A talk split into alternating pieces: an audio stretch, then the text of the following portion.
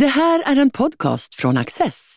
Du hittar fler av våra program på access.se och på Youtube. Mycket nöje! What is liberty? What does it mean? People will fight to be free, but once again, liberty is under assault. How can it best be defended? I'm Ian Martin. In this series, I'll talk to leading authors and scholars. Our theme liberty.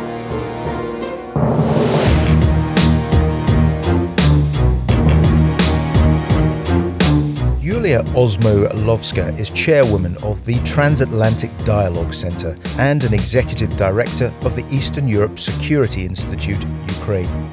With an extensive career in diplomacy, she's an expert on Russia's harsh negotiating style. In the wake of the Ukraine war, can the West and the forces of liberty outwit the Kremlin?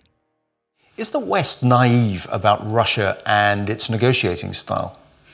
It depends on who you're talking about from the West, because uh, on the one hand we have this position of UK and US, which I interpret as being quite real assessment of what's going on in the Russian negotiation position.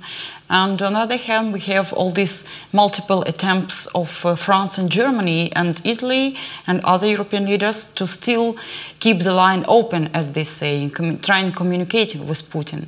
And this assessment, this approach, I do interpret as, bit, uh, as being a bit naive.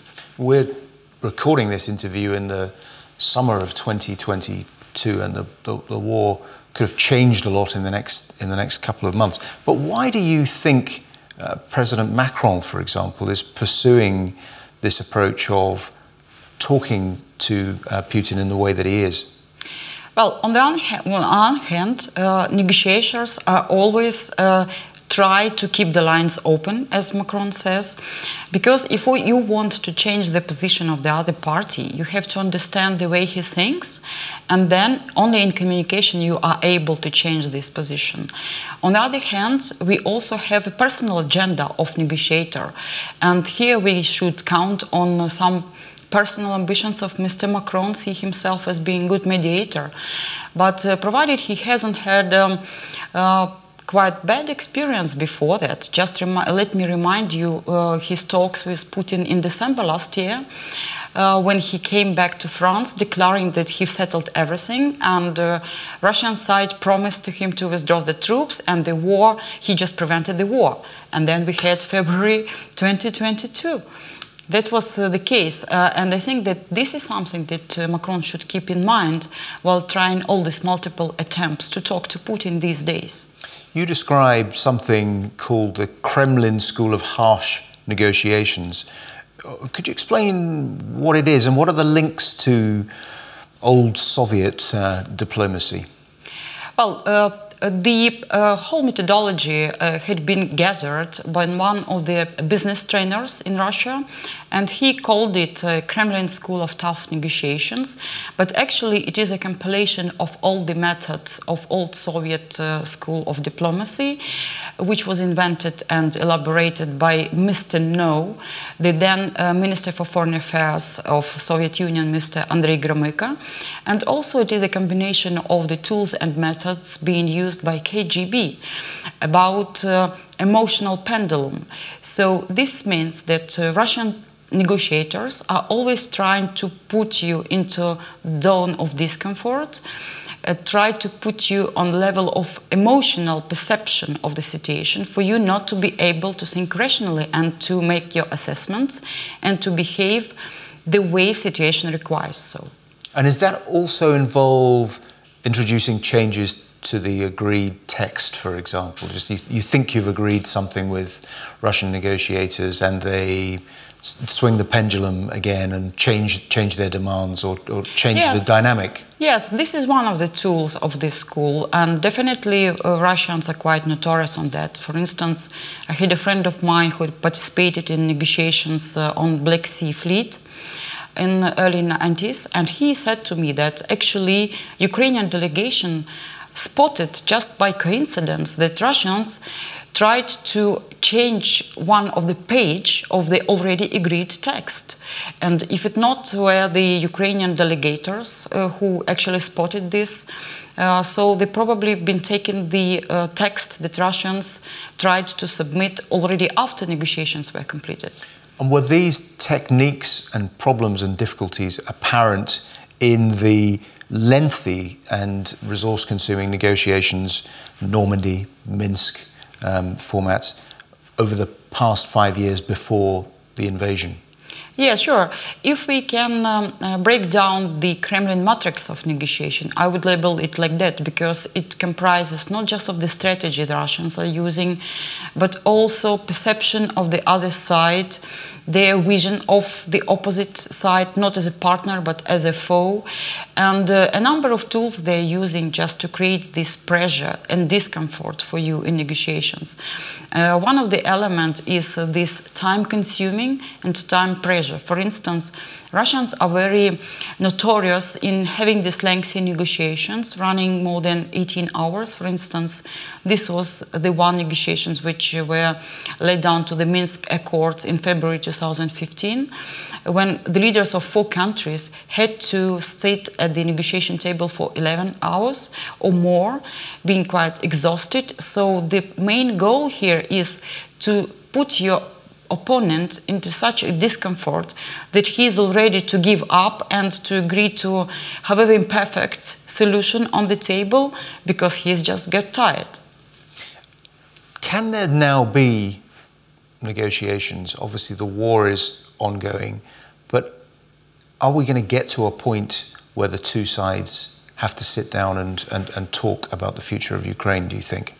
Uh, eventually, we will end up at this point, definitely, because uh, the war started because of the failed negotiations, and uh, the war will be finished with negotiations, obviously. But the point is uh, the momentum of these negotiations. And here we judge um, the element which is called ripeness of negotiations. It is the situation where both sides understand they, they can't count on their unilateral actions because they're not delivering the desired result.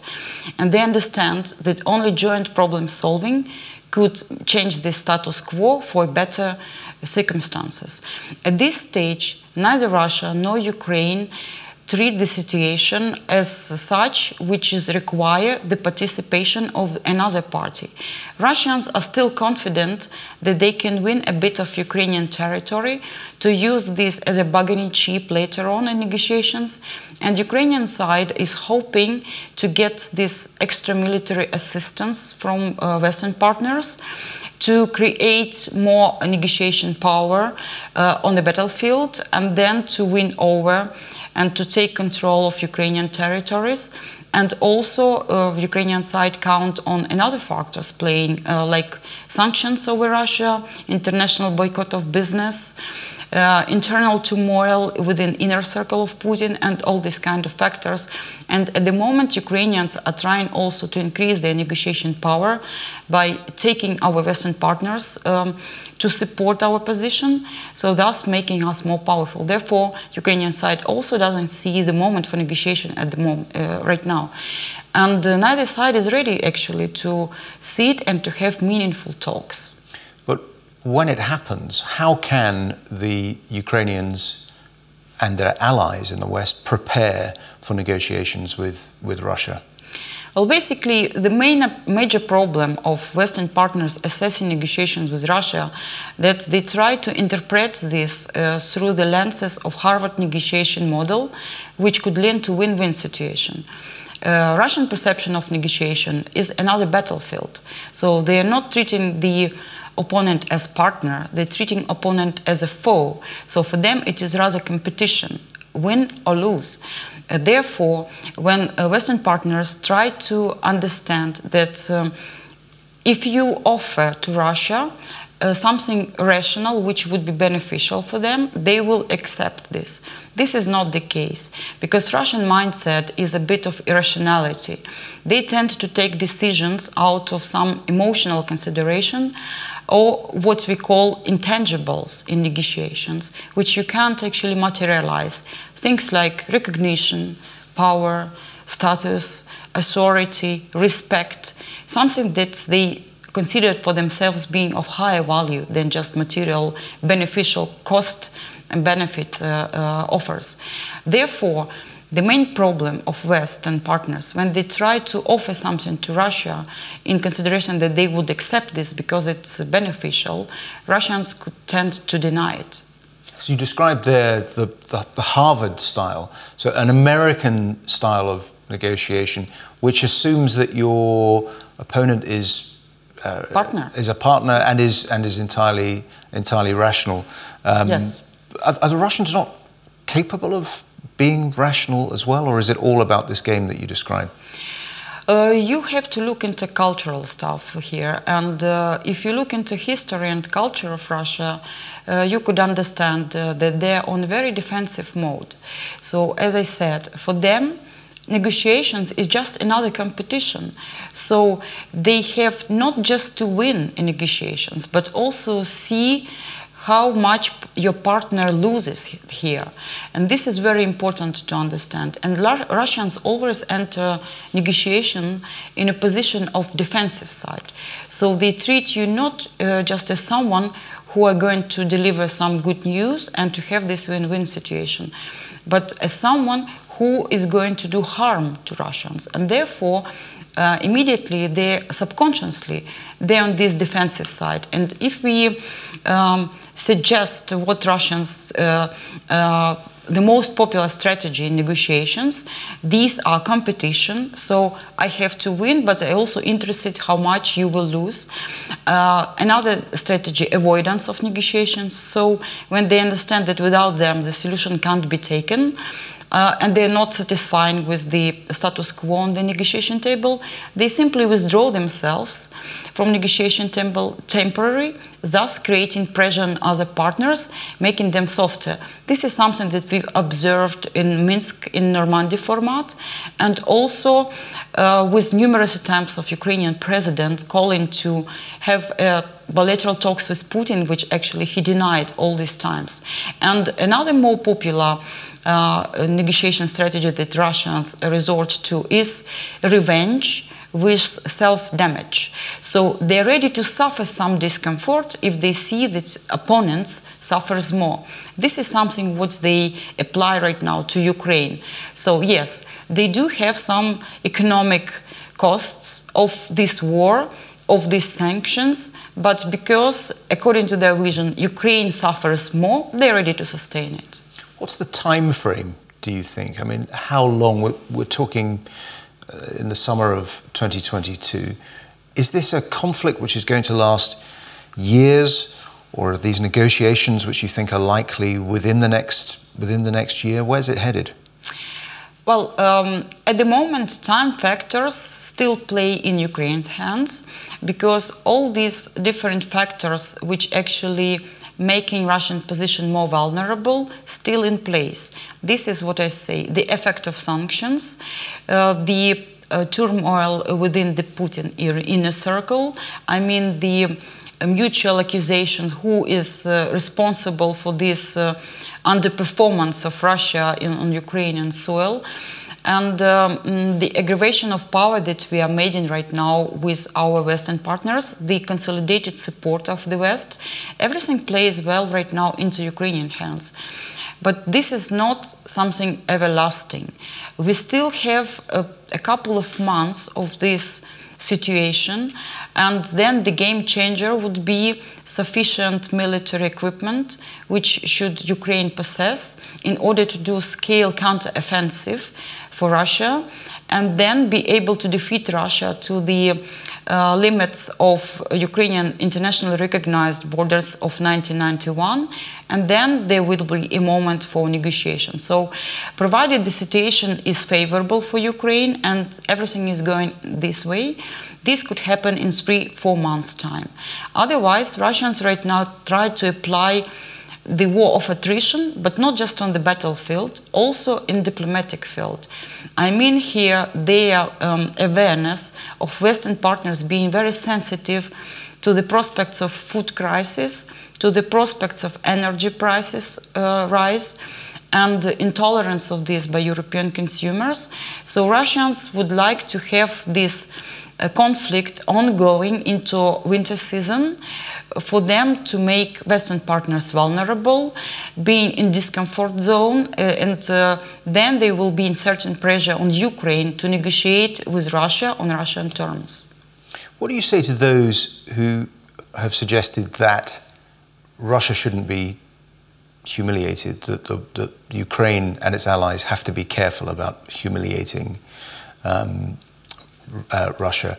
And then there's the, there's the other side the very hawkish side, the allies of Ukraine, who say, look, it's essential that Russia is humiliated and that it learns the lessons from the mistakes it's made and the terrible crimes that have been committed.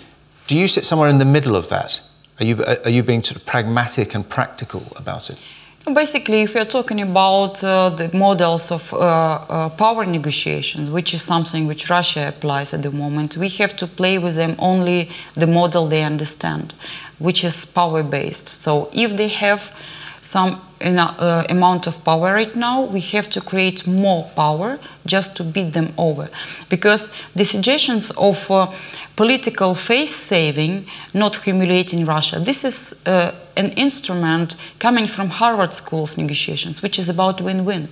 You can't just withdraw simple one element, mm. apply to a different model and expect that this will be effective. Because for Russia, they don't care basically about all this kind of stuff. They um, anticipated this kind of reaction from the Western partners. Therefore, they've already settled perfectly well with the status quo, and therefore they need, don't need this sort of political face saving because what they want to sell to their internal audience, they can easily sell using their propaganda TV different messages. So Putin can end effectively war tomorrow if he wants so by saying to his audience that we've achieved all the goals of this so-called special operation. And the way he frames it will be delivered and accepted by his society. Therefore, I'm a bit critical of these suggestions to apply one element of constructive model of Harvard School of Negotiations to a destructive model of competition-based negotiations that Russians are currently applying. Presumably, if we get to a point where there are going to be negotiations, presumably it matters where those negotiations are and who convenes them. How do you see that working? Where are peace talks? Is there some kind of international broker involved, or is it just direct bilateral um, talks between Russia and Ukraine, or is the US involved? Uh, what, what are the prospects? Well, the prospect of uh, any mediator entering into these, these particular negotiations is a very tricky one. I can explain you why. First, for Ukrainian side, we definitely would be needed this kind of uh, interlocutors because uh, we need someone as a referee who could be also making records of what Russians uh, promising and how actually they're delivering. Because provided these talks are just happening on bilateral base between Ukraine and Russia only, Russia could always change uh, later some of their commitments, pretending to say that, oh, the, you've interpreted this uh, wrongly. We meant completely different side. So therefore, we need this third party to be present at negotiation table. Then the question comes who this third party might be. In order for mediator to be effective, he has to comply with two basic criteria. To have uh, high authority and being respected by both sides.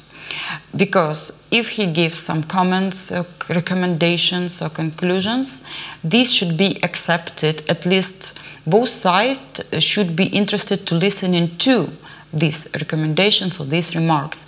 And second, this uh, third party should be unbiased to both parties in order for them to be uh, quite uh, uh confident that he is neutral and he is not taking the side of the opponent.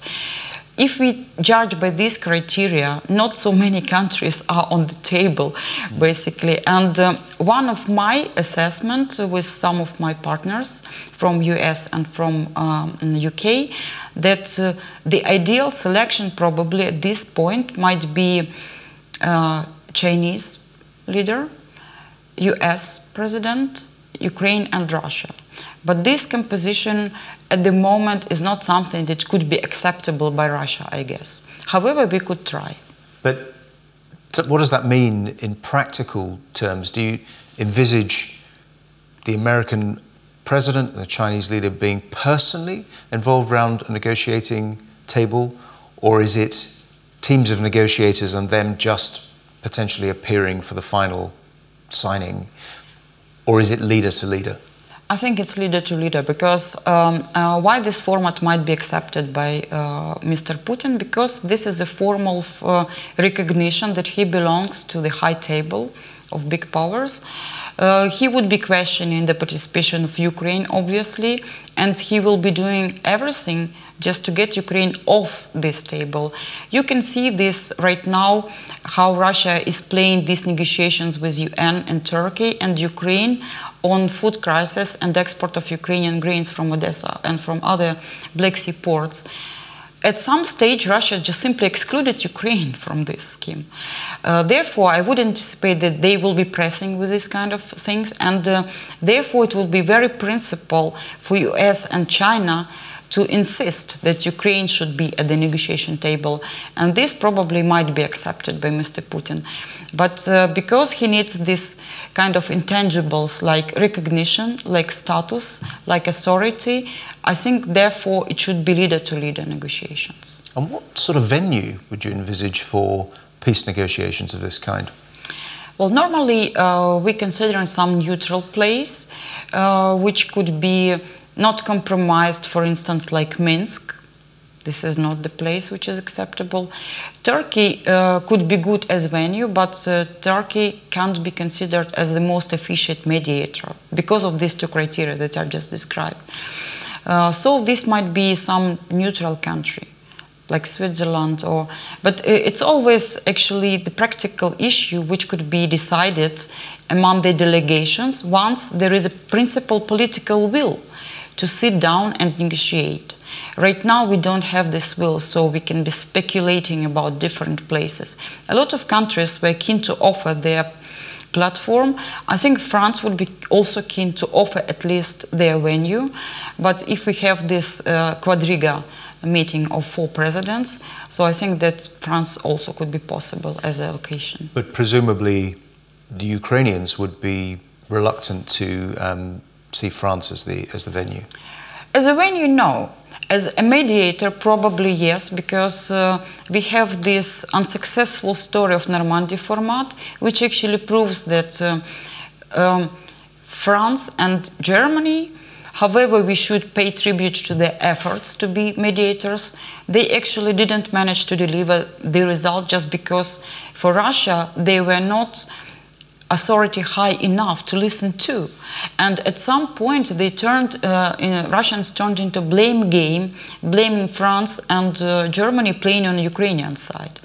So basically, as venue, France could be good location, but there should be meeting of four leaders of different countries. Do you think that even beyond Ukraine, because of what's happening with, with Russia, the West is going to have to engage in thinking about this and thinking about dealing with Russia and negotiating with Russia for the next 10, 20 years in a way that it hasn't really since, uh, since the Cold War. Do you think that the West, Ukraine's obviously on the front line and really has been exposed to Russian negotiating tactics and then the brutality of the invasion. Do you think in the West we've just got out of the habit since the Cold War of thinking about Russia and trying to understand how they operate? I think West should invest uh, uh, themselves much more into understanding this Russian model of playing at negotiation table. So they need to study very well Russian mindset.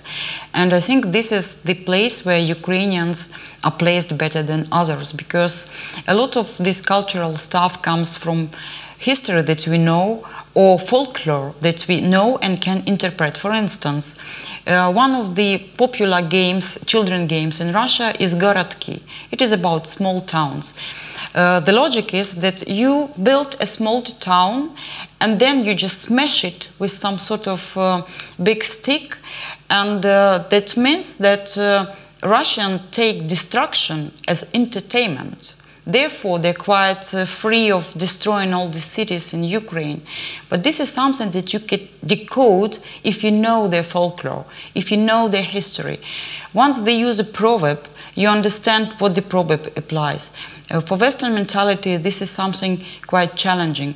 So the sooner our Western partner understand that they need Ukrainians on board to decode, to decipher, decipher to interpret Russians' moves, the better they will be placed at negotiation table. And um, getting back to the substance, you're completely right. That is not the issue in just in Ukraine, because if you can just recall.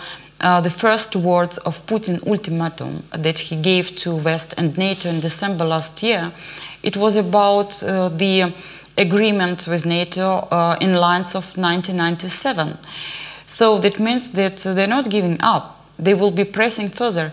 And if they succeed in Ukraine, they will be just encouraged to do this in quite brutal way. One of the signs of it already been seen by um, a bill proposed in the State Duma in Russia to withdraw the recognition of independence of Lithuania. So this is just one mark.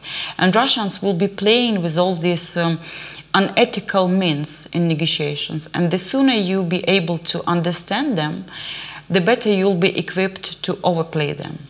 Is it possible to actually come to any sort of sensible, enduring agreement with a power, as you described, that takes, that takes that view of its neighbours? It's very difficult, isn't it?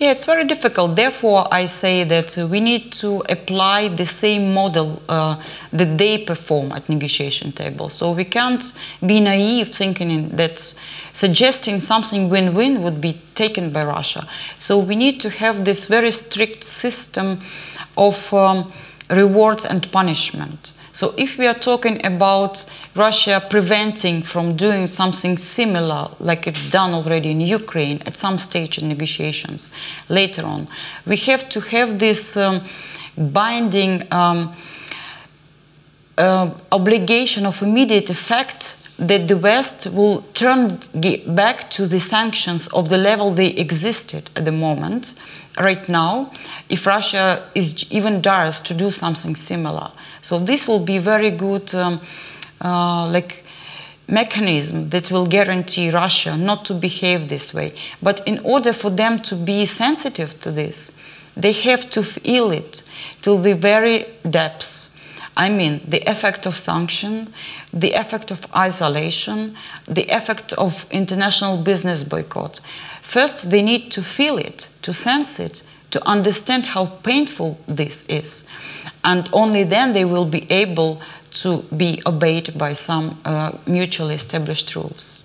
Do you think, finally, can the West, or the democracies, the allies, can they outwit the Russians, do you think, if they learn some of the lessons that you're describing? I'm pretty sure, yes. Because we are doing this.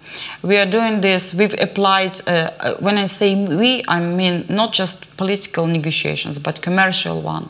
I have this experience of also doing commercial negotiations. Once you know their tactics, once you know their game, you can easily neutralize it and just uh, take an upper hand in negotiations. This is feasible, believe me. Thank you very much for joining us. Thank you very much for your interest.